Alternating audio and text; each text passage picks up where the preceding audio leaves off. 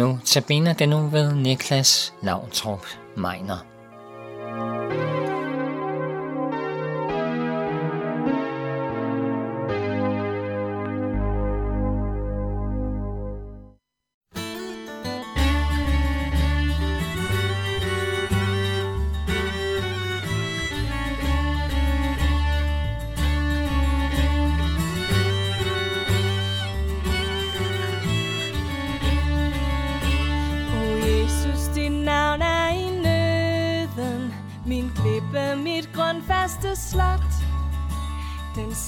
Første modgift mod døden. Ak vidste alverden det blot. Dit navn er en salve som læger Min færdige sårede sjæl. I kampen mit styrkende bæger Mit tilflugt i ved og i vand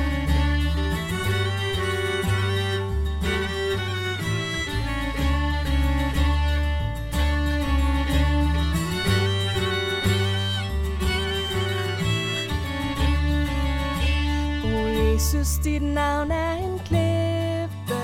Et tårn, som mig omstyrtes kan. Et lys, som alt toget fordriver. En kilde til levende vand. Dit navn har bevis på mit hjerte. Den livskraft, som findes der i Det lindrer min gør mig fra dødsangsten fri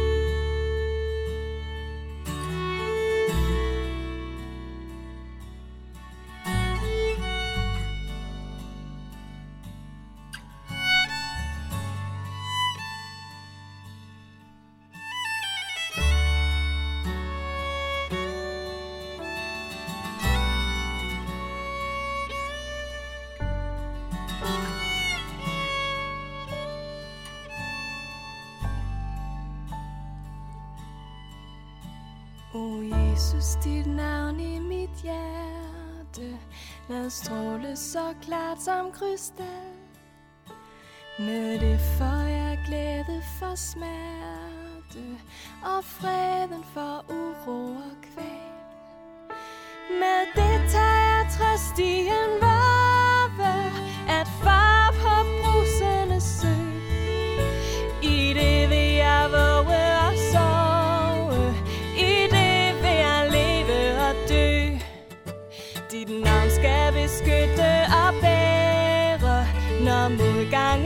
slår mig om kul O lad da dit navn ske al ære Du frelser, hyrdes og hul. Så vil jeg dit navn da lov synge Så længe jeg endnu er her. Min Jesus med hjerte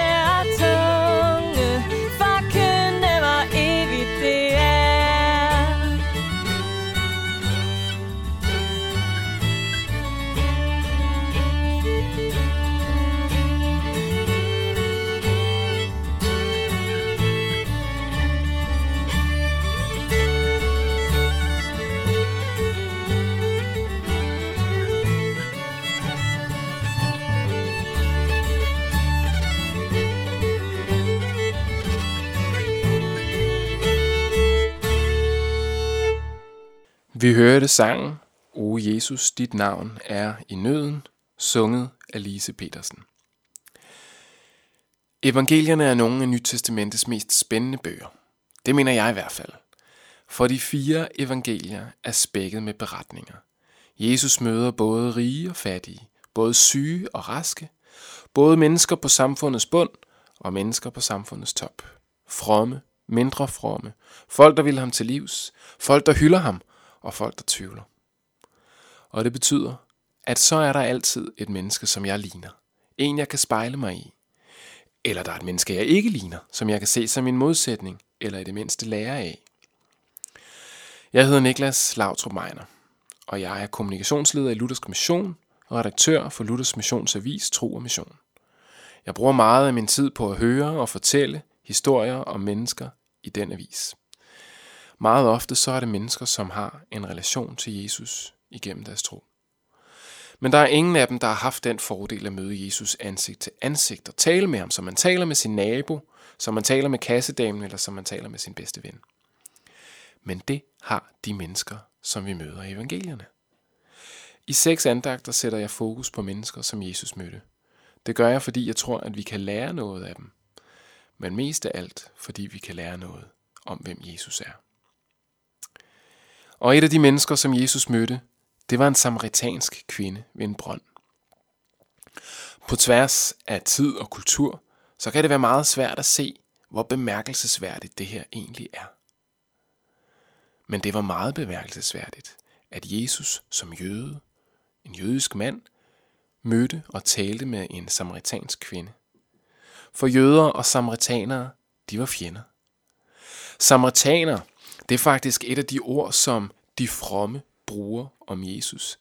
Det siger om ham et sted, at han er samaritaner og besat.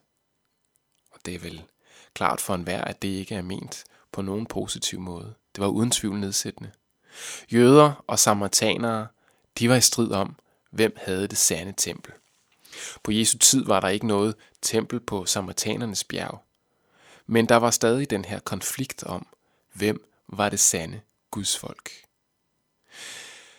Derfor så bliver den samaritanske kvinde også overrasket, da Jesus han henvender sig til hende og spørger hende om noget at drikke.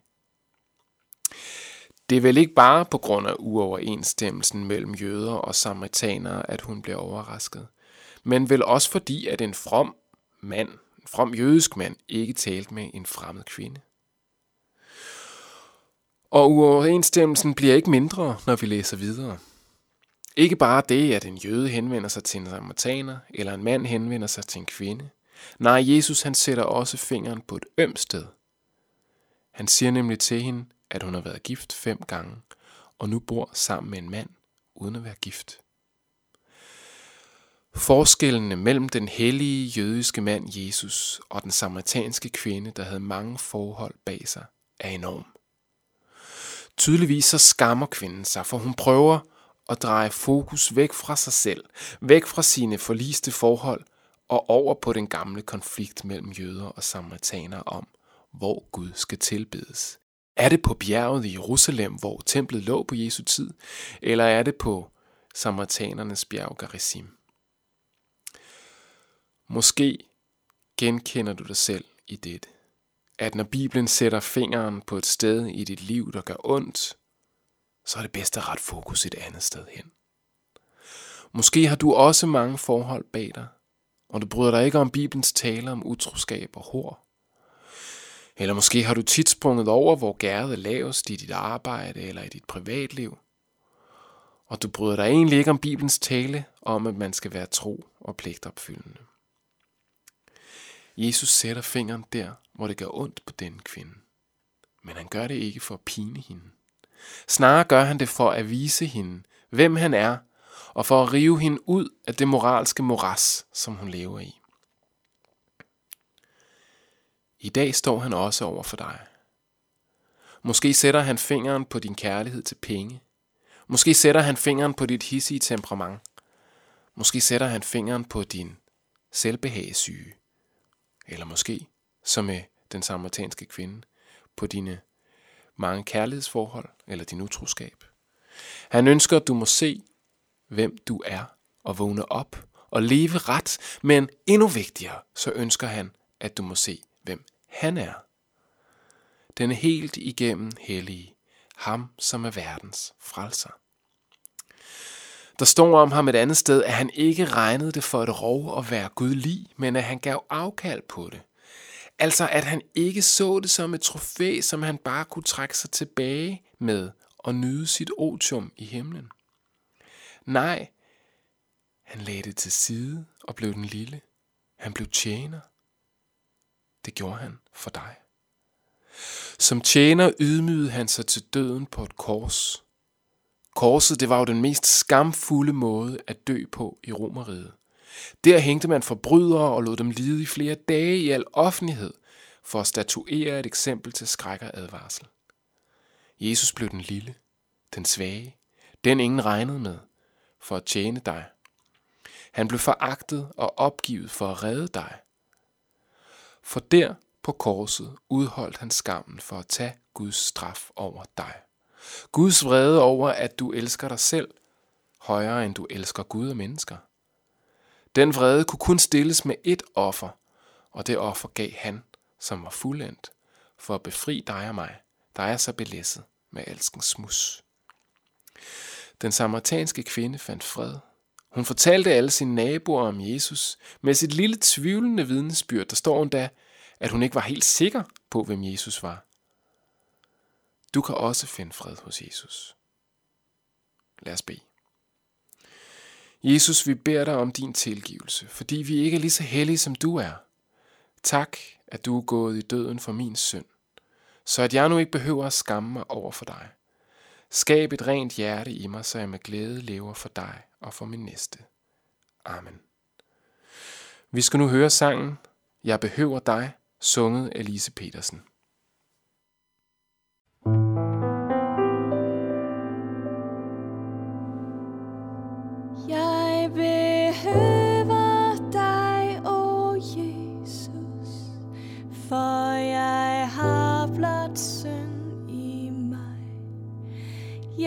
Hjertet er så mørkt og øde, er så koldt.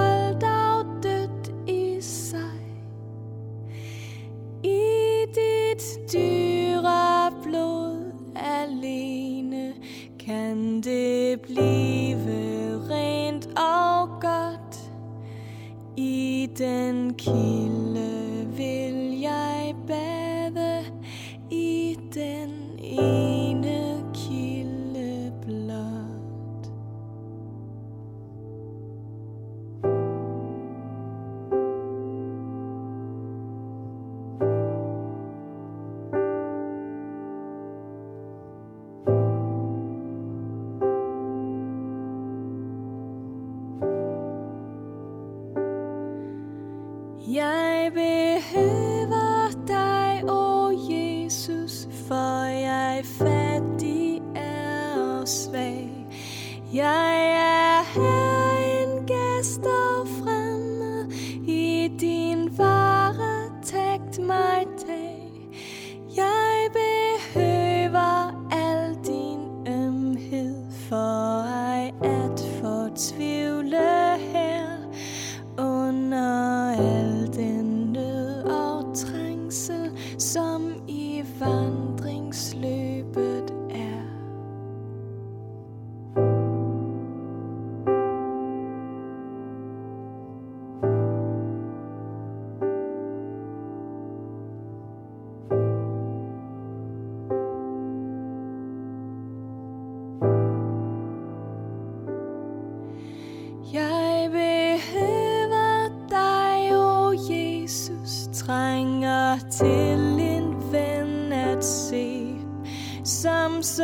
elsker så handler her med arme syndere. Alt mit vel og ved du kender, ganske som om det var dit og din kærlighed ej svigter, for dit hjerte elsker fri.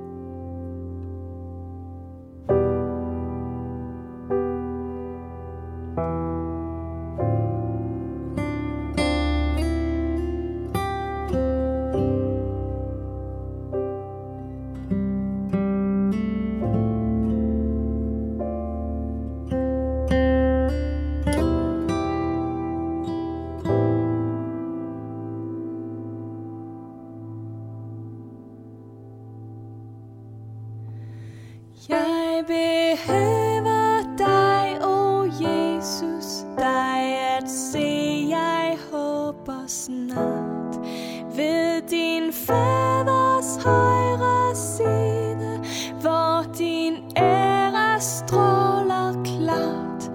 Der